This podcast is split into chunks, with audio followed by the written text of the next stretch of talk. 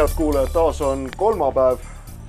käes on päev, millal tuleb välja uus Ekspress ning äh, nagu ikka, viimased viis nädalat on meil olnud ka sellel päeval siis äh, podcast, kus räägime kahel teemal, mis on lehes äh, käsitletud. Kristjan Pihli meie seas enam kahjuks ei viibi. selles mõttes, et ta viibib meie seas, aga teises majas ja teise tööandja juures. just, ta pidas ennast nii ilusaks meheks, et läks telesse, selle asemel on meil Toomas Vaamäe, keda nooremad vaatajad või kuulajad tunnevad nimega Toomas Vaakäik ja tänase saate esimene külaline on meil Viktoria Ladõnskaja, kes äh, räägib sellest, et miks ta tänases lehes nii kurjalt äh, politseid äh, sõimas. Viktoria, kas, kas...? tere päevast seal. just, tere ka sulle, Viktoria, tore, tore, et tulla sai ja nii edasi, aga kas sa oled täna selle loo eest vastu päid ka saanud juba? no ma alustan sellest, et, et see esimene nagu justkui sisselause, millest sa alustasid, et ma ei tahtnud nagu kritiseerida mida, mitte politsei äh, uurimistööd, mitte seda tulemust, mil mm, -hmm. milleni nad on jõudnud, vaid eelkõige seda, kuidas nad on korraldanud äh, pressikonverentsi, ehk siis kuidas nad avalikustasid seda lõpptulemust äh,, milleni nad on jõudnud. ja eelkõige seoses sellega, nagu ma mõtlesin, et ikkagi ei saa päriselt vait olla ja räägin, sest et mina tajun neid asju, neid, mis nagu, kuidas vene kogukond võtab seda ja kuidas eestlased reageerivad sellele Äh, küsimusele, et kas äh, on tulnud kriitika, ma vastan, et jah, olid äh, ka minu sees oli väga selline keeruline noh, ma ei tea, debatt või, või, või sisedialoog, et, et kas ma tohin või ma ei tohi avaldada mingis, mingil määral sellist kriitikat politsei suunda. Äh, sellepärast et, äh, et jah, justkui sa oled nagu parlamendi liige, justkui sa ei tohi võib-olla kritiseerida eriti teravalt, aga teisest küljest, kui sa näed, et tegelikult täiesti minu arust arusaamatu oli see kuidas tehti seda pressikonverentsi. mis seal oleks pidanud tegema, ma küsin lihtsalt vahele. tegelikult oli seaduse järgi oli ju kõik õige, eks ole, tehti eesti keeles, tehti Tallinnas, mitte midagi ei olnud ju valesti just nimelt, et selles ongi nagu küsimus, et, et äh, juriidiliselt oli kõik vägagi okei okay ja korrektne, aga Jok. nüüd mõtle, aga mõtleme nüüd selle peale, et äh, mis asi on üldse turvalisuse tunne ja kas Eesti riigi huvides on pigem see, et me lihtsalt teeme kõiki asju korrektselt või on äh, ka oluline see, kuidas seda informatsioon jõuab nagu konkreetse inimeseni. ja siis antud juhul, kuna tegemist oli keerulise case'iga, millest räägiti neli aastat järjest, kuna seotud oli ka noh, tunduvalt äh, nagu mingisugune infonälg vene kogukonna poolt ja kuna tegevuskohaks oli ka Narva, siis minu arust oli äh, tehtud valepidi kolme asja. esimene see, et see pressikonverents pidi toimuma Narvas. Äh, teine asi see, et pressikonverentsi osalejateks pidi olema ka see inimene, kes nagu Narva inimeste silmades vastas neli aasta jooksul, neli aasta jooksul nagu selliste teravate küsimuste, teravate küsimustele äh,, nagu Anneli Pärt näiteks ja kes äh, suhtles ka ajakirjandusega neli aastat äh, järjest. Ja nüüd siis teda ei olnud ja kolmas asi, mis on võib-olla ka nagu selline keerulisem variant, kuna äh, politsei rääkis detailidest ja rääkis äh, põhimõtteliselt teaduste asjadest, ehk siis kuidas see uurimus toimus ja, ja mis oli nagu selle pika aja tagajärg ja, ja nii edasi, siis väga detailis, detail, detailsed asjad siis mina arvan, et võiks nagu neid asju tõlkida ja näidata, et tegelikult noh, isegi Eesti inimesele oli võib-olla mingi, mingisugused asjad keerulisemad, aga kui tegemist on mingisuguse konkreetse tavalise inimesega äh, Narvast äh,, kes nagu tegelikult elab täpselt samas äh, trepikojas ja kes on ka huviline ja kes äh, nelja aastat järjest on kuulnud ja tunneb mingil määral hirmu, siis nagu see sõnum politseipoolne sõnum peaks olema ka tema, tema jaoks arusaadav. kas see tähendab seda, et äh, üldiselt vene inimesed Narvas, et äh, nad ei usu seda versiooni, mis politsei esitas? no vot lõppkokkuvõttes tulemusena ongi see, et äh, et see info, mis on jõudnud Narvani, oli nagu ainult ütleme nii mitte, mitte tervest pildist räägiv ja, ja, ja mingil määral äh, vaid osa sellest informatsiooni on jõudnud Narvani. mis siis oleks pidanud tegema, ma, mina näen, et kui ma, kui ma nüüd hakkaksin lahendust pakkuma, et oleks tulnud võtta mõni väga tugev suhtekorraldusfirma, ja mängida see asi lihtsalt korralikult läbi ja kõrgprofessionaalsel tasemel põhimõtteliselt kriisikommunikatsiooniga tegeleda. see ongi nagu tegelikult kriisi küsimus, sest et selge see, et praegusel hetkel, mis on, mis on nagu, mis on tulemuseks? tulemuseks on see, et äh, ikkagi vene kogukonna inimesed hakkasid otsima seda infot, siis nad võib-olla keegi tõlgis endale äh, kõige suurepärasem artikkel, mis on tulnud politsei poolt, ilmus sel esmaspäeval tegelikult, kus oli nagu he hea äh, eesti keeles äh, seletatud, mis tegelikult on selle uurimuse töö tagamaa. aga noh, vene keeles ma seda informatsiooni ei leidnudki. ja tänu sellele iga nagu teine inimene jutustab seda asja niimoodi, nagu talle nagu tundub. Läheb nagu ah, telefonimäng. just, just, just sünnivad kuulujutud ja antud juhul see kuulujutt ei ole üldse nagu see, mille peale võiks nagu loota, et nagu ta nagu teeb seda pilti selgemaks. mis kuulujutte sa näiteks oled siis kuulnud vene kogukonnas? no ma ei, ma ei hakka, vaata minu probleem, minu seisukoht on selline, et ma ei hakka kritiseerima seda lõpptulemust, sest et ma ei ole politseinik, ma ei ole uurija no, ja mul ei ole seda politsei, pädevust. politseil oli väga keeruline, eks ole, tõepoolest see oli keeruline just, juhtum just. ja see, et nad noh, lahendasid nii hästi, kui nad ja. lahendasid, et sinna, sinna me ei saa midagi teha. absoluutselt ja sellega ma absoluutselt olen päri ja teine asi, et ma ei äh,, ei ütle, et nagu, et peaks nagu mingisugust informatsiooni nagu kuidagi äh, teistmoodi eesti keeles näiteks edastama. ei, pigem probleem oli selles, et äh, andku seesama info, aga äh, selge sihtgrupi jaoks ja, ja et, et ei toimuks nagu seda kulujuttude levitamist. ja minu pädevuses ka ei ole nagu äh, kommenteerida neid asju, mis äh,, mis, millest nagu näiteks praegu Narva inimesed räägivad. ma ei hakka nagu ähm, veel kord rõhutama neid valeversioone näiteks Äh, see ei ole nagu minu huvides, minus räägib endine ajakirjanik, ma ütlen, et see ei ole nagu ühiskonna huvides, ühiskonna huvides on täpne informatsioon ja just äh, selles oligi probleem. Äh, sa mainisid loos ka, et Ida-Virumaal on nii ehk naa politsei usaldusväärsus mm -hmm. madalam kui mujal Eestis mm. -hmm. kas kas see võib tähendada ka seda, et tegelikult kui ükskõik, kuidas oleks seda kommunikeeritud, et ikkagi tegelikult nad ei saanud kätte noh, juriidiliselt ei saanud kätte mõrvarit, et ükskõik, kuidas oleks seda teinud, siis oleks ikkagi olnud äh, üsnagi prevaleeriv suhtumine, et äh, Ida-Virumaa inimesed ei usu väga Selles, see asi lõppes korrektselt? ma, ma, ma osaliselt nõustun sellega, aga äh, jällegi kriisi äh, olukorra psühholoogia ütleb niimoodi, isegi kui sul ei ole head vastust, jutumärkides head vastust, et ikkagi anna seda infot mm. -hmm. ja seda et, infot oleks tegelikult just, kogu aeg pidanud see ja. olema, noh, sa ütlesid, et no, oli varem ka. ei no selles mõttes, et mina näiteks äh, kaks aastat tagasi tegelesin selle äh, uurimisartikliga näiteks ja, ja suhtlesin politseiga ja siis ma tean, et tegelikult neil oli nagu selline suhtumine, et ärge avaldage liigset informatsiooni informatsiooni ja mina nõustun absoluutselt sellega, et neli aastat oli see töö nagu käimas ja sellepärast ei olegi ja ei, ei pidanudki olema ajakirjanduses nagu sellist äh, noh, teravat kriitikat või, või ma ei tea, me ei, ei pidanud nagu justkui nõudma seda informatsiooni, sellepärast et see oli ühiskonna huvides. las politsei teeb oma tööd. nüüd siis see töö on tehtud ja probleem oli selles, kuidas siis äh, anda teada avalikkusele, et äh, töö tulemus on selline see on esimene asi. ja teine asi nüüd siis äh, mina kui ühiskonnaliige küsin, okei okay,, te ütlete mulle, et mõrvar oli narkomaan. järgmine küsimus, et mis me teeme narkopoliitika suun-, suunas, et äkki on õige hetk nagu mõelda läbi oma narkopoliitikat ja siis teine asi, et mis me nagu hakkame või ei hakka midagi tegema pervertidega. sest et noh, need väga olulised küsimused nagu nad praegusel hetkel jäid kuidagi õhku.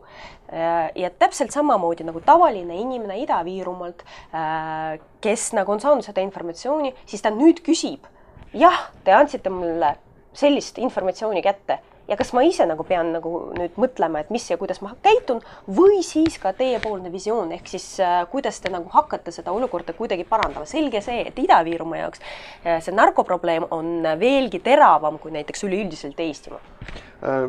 veel sa mainisid seda narkopoliitikat ja pervertide teemat, et tõesti sealt leiti ju kümnete kaupa uurimise käi-, uurimisega paralleelselt inimesi, kes äh, pedofiiliaga pedofiilia süüasjas enda karistuse said. Need karistused on ju tegelikult poliitikute poolt määratavad.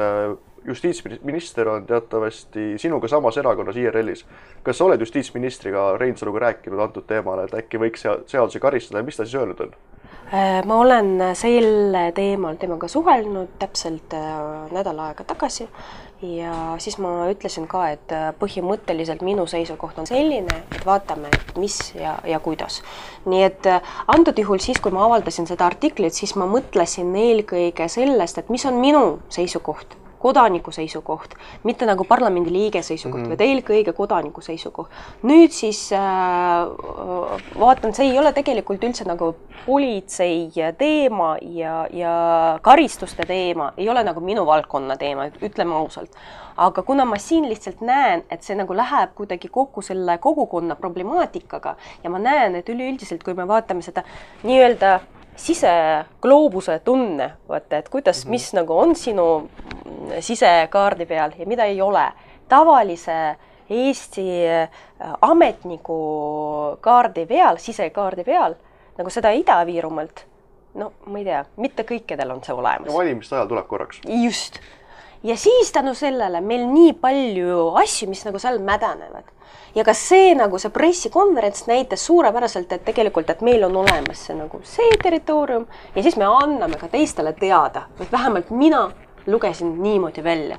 Ja see, sellest tegelikult ongi see terav probleem, et üleüldiselt, et see nagu, et see on Eesti riigi olemasolu Ida-Virumaal see ei ole lihtsalt mingisugune case statistika või mis, mis iganes ja see on nagu meie mõtlemine, et me oleme seal ja me, need on meie inimesed ja me peame mõtlema, et ka neil oleks see turvalisuse tunne.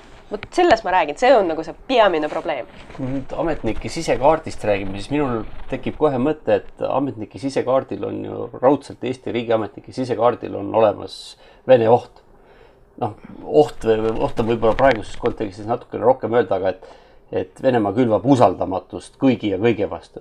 et praegu needsamad ametnikud, mulle tundub, ise külvasid usaldamatust just täpselt sedasama, mida, mida nad tegelikult peaksid püüdma ära hoida. jah vot siin ma nõustun, et selles mõttes, et nagu tege-, tegelikult see ongi nagu väga keeruline, sellepärast et äh, ühest küljest me kogu aeg äh, räägime, kritiseerime, et vot äh, justkui Ida-Virumaa inimesed rohkem vaatavad nagu Venemaa poole või kas nad tõesti vaatavad või on seal mingisugune, ühesõnaga tekivad sellised keerulised küsimused.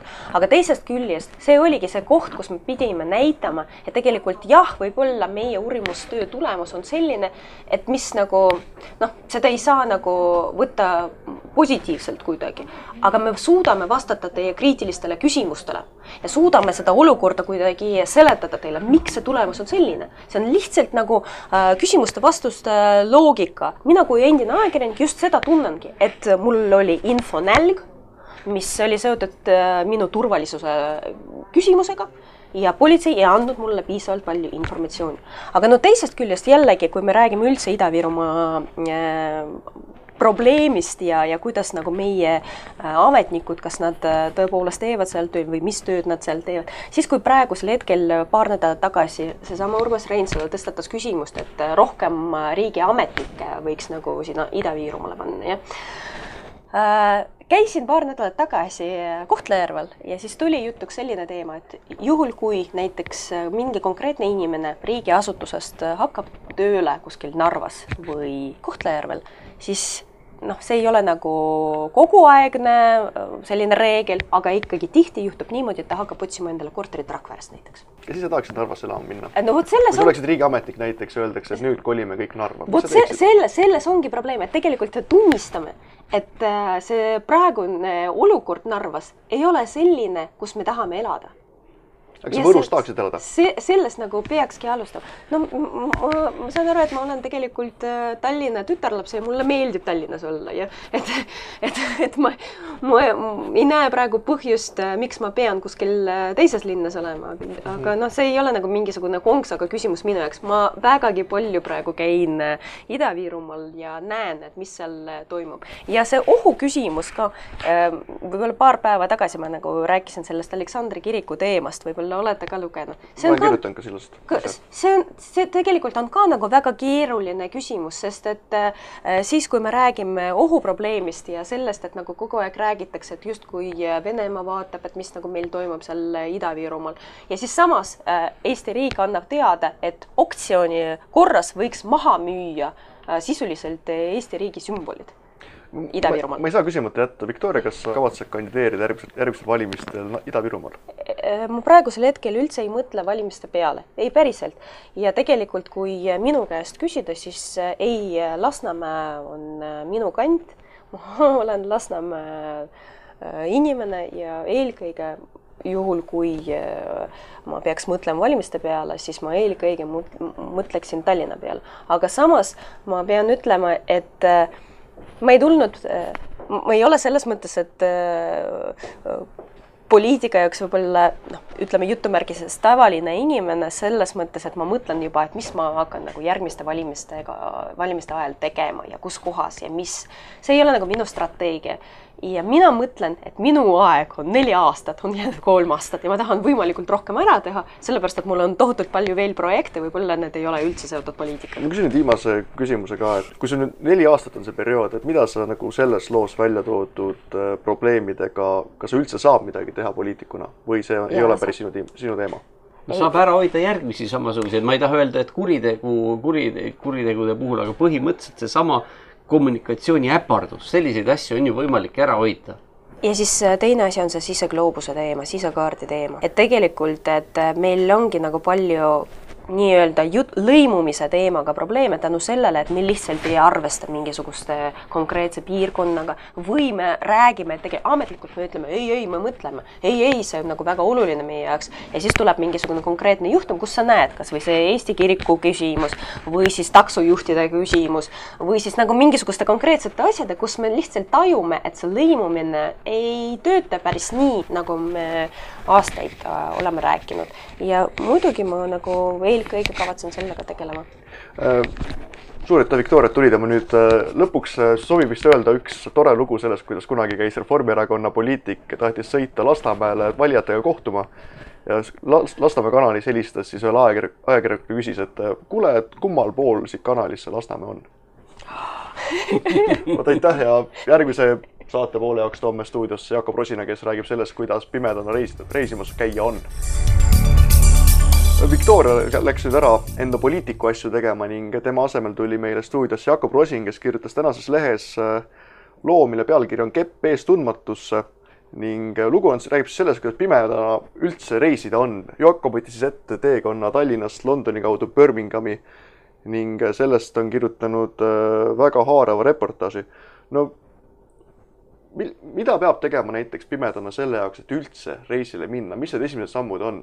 et võrreldes nagu tavalise inimese minekuga, et ostad pileti ja lähed, aga sa pead enne ka näiteks äh, küsima mingit abi või teatama, et sul on äh, selline asi, et sa ei näe? esimene samm tegelikult algab ikkagi sellest, et sa pead leidma siseendas selle enesekindlusega.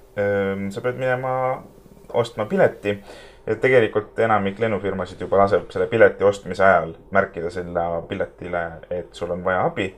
ja seda teeb ka lennujaam, nii et kui sa lennujaama jõuad, siis loodetavasti sul seda abi ka antakse see siis tähendab seda, et ähm, kui sa jõuad check-in'i, annad oma kohvrid ära, näitad neile piletit, siis nad kutsuvad sinna check-in'i laua juurde ühe inimese, kes siis saadab sind läbi turvakontrolli, läbi passikontrolli ja kõikide muude kontrollide, kuni siis põhimõtteliselt lennuki istmeni välja.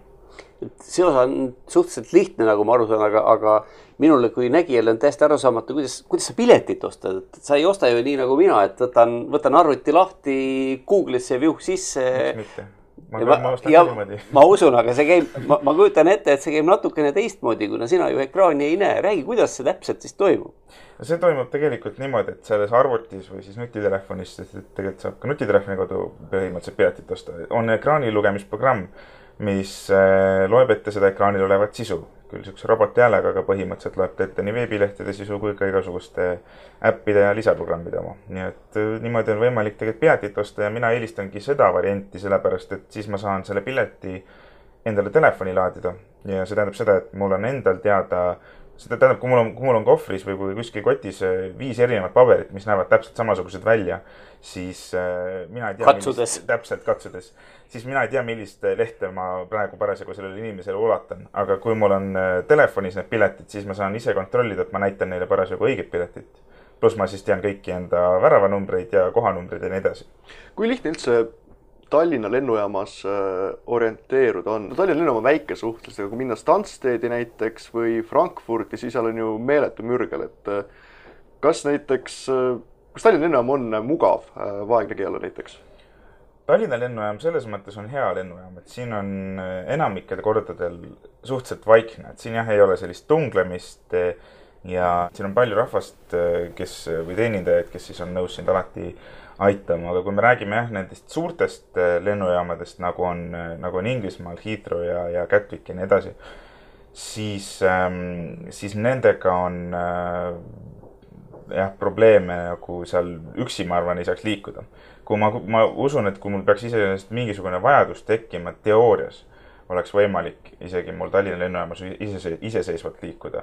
ma arvan, et seda nendes suurtes lennujaamades ei oleks võimalik teha, aga kindlam on alati liikuda siis koos äh, lennujaama töötajaga, kes täpsemalt teab, kust kaudu saab otsemini õigesse kohta.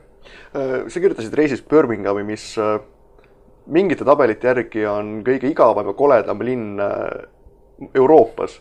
kas sina, noh, see on, see on välja näha, et Birmingham on suhteliselt kole linn, aga kas sina said sellest aru, et, et, et ta nagu ei ole suurt mitte midagi seal? ma arvan, et see tunne seal Birminghamis kui ma nüüd meenutan seda, ma olen seal praeguseks kaks korda käinud.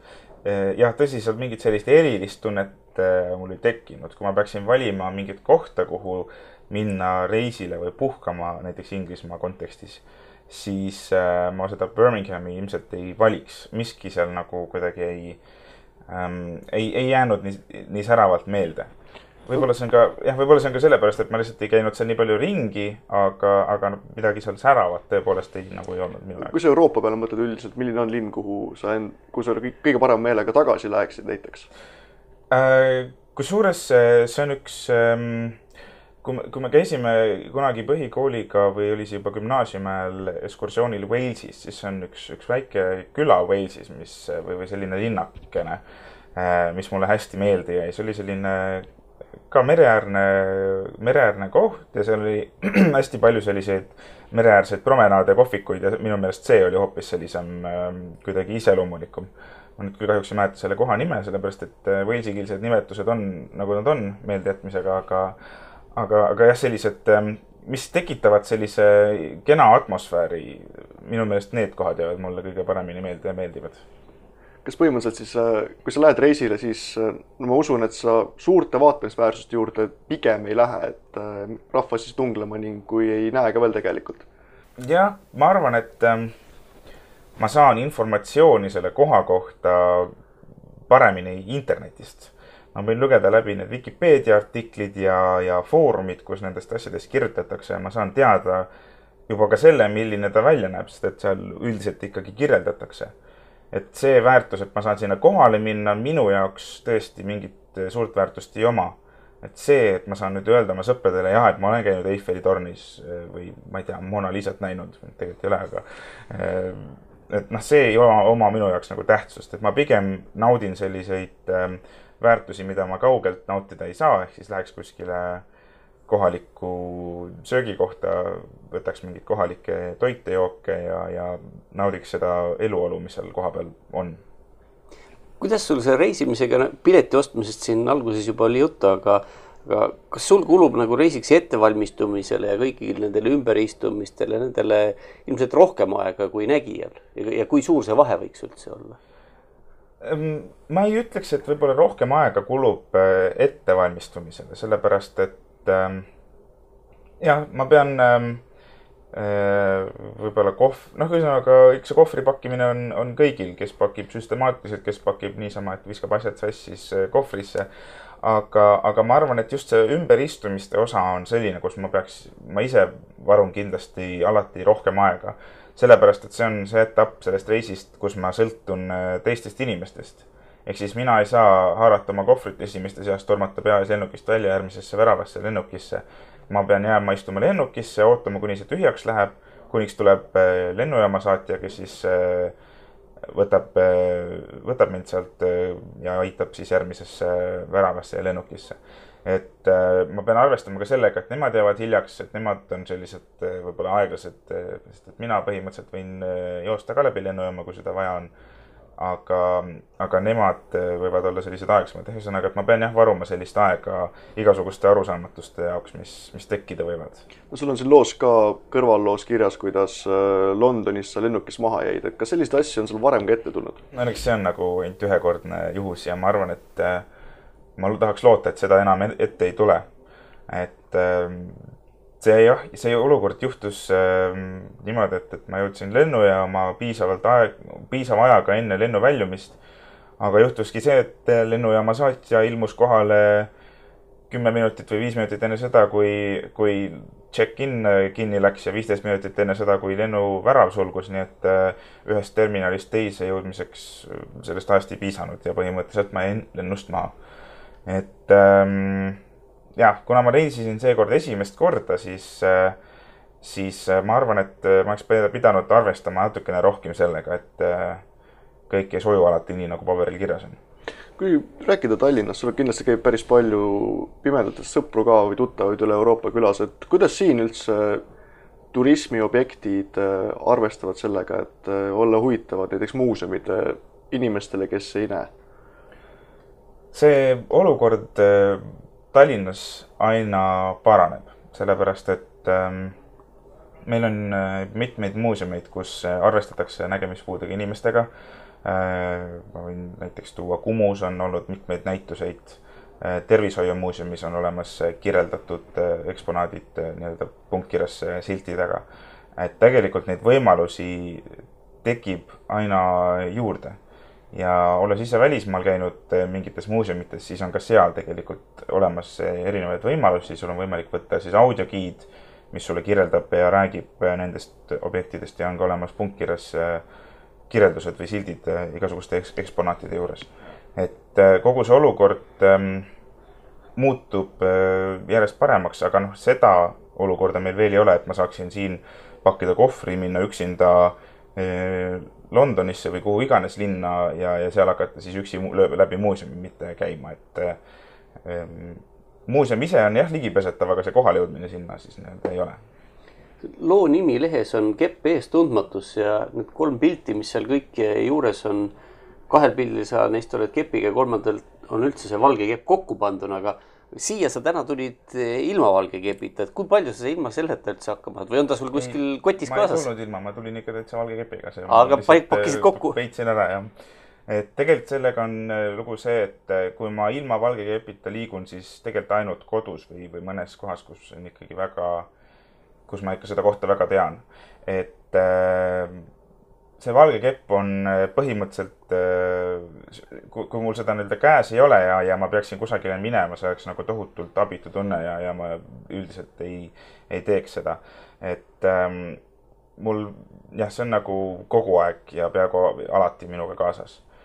Äh, ainus kord jah, kui ma tõesti seda võib-olla ei kasuta, ongi kui kodus või, või tuttavate juures, noh, kus ma olen ühesõnaga varem, varem viibinud ma saaksin ilmselt hakkama ka, ma ei tea, näiteks ülikoolis ilma valge kepita liikumisega. aga seda, see esiteks muudaks minu liikumise tohutult eh, palju aeglasemaks ja ka see muudaks olukorra keerulisemaks ka teistele, kes tegelikult võib-olla, kui ma sealt vaikselt tulen, ei saaks tegelikult üldse aru, et ma ei näe, et see valge kepp on nagu ka teistele märgiks. et, eh, et nad peaksid natukene ette vaatama võib-olla. kuhu sul järgmine reis plaanis on või sa ei ole veel ette plaaninud? Üksinda reisi ma tõesti pole ette planeerinud. reis koos seltskonnaga peaks viima mind Brüsselisse mai lõpus. aga sellist üksi reisi hetkeseisuga ma ei tea, mul on mõte küll minna Saksamaale ühele tuttavale külla, Frankfurti lehistele, aga see on selline plaani tasandil alles, et midagi korraldama ma pole veel jõudnud hakata. no selge, aitäh, Jakob, et leidsid aega meile podcast'i tulla saade on läbi, Toomasel esimene. Toomas, kes nädalavahetusel vormeli võidab? see, kes esimesena finišijoone ületab. see ei anna küll erilist abi ennustuse, ennustusportaalidesse. okei okay,, ma ütlen täpsemalt, mõni hõbedane auto. no selge, igatahes äh, saate lõpetame tavaliselt nädalaplaadiga, aga kuna Jakob tegeleb ka muusikaga, siis äh, siia, siia saate lõppu tuleb üks äh, tema laul. aitäh minu poolt. ja aitäh minugi poolt.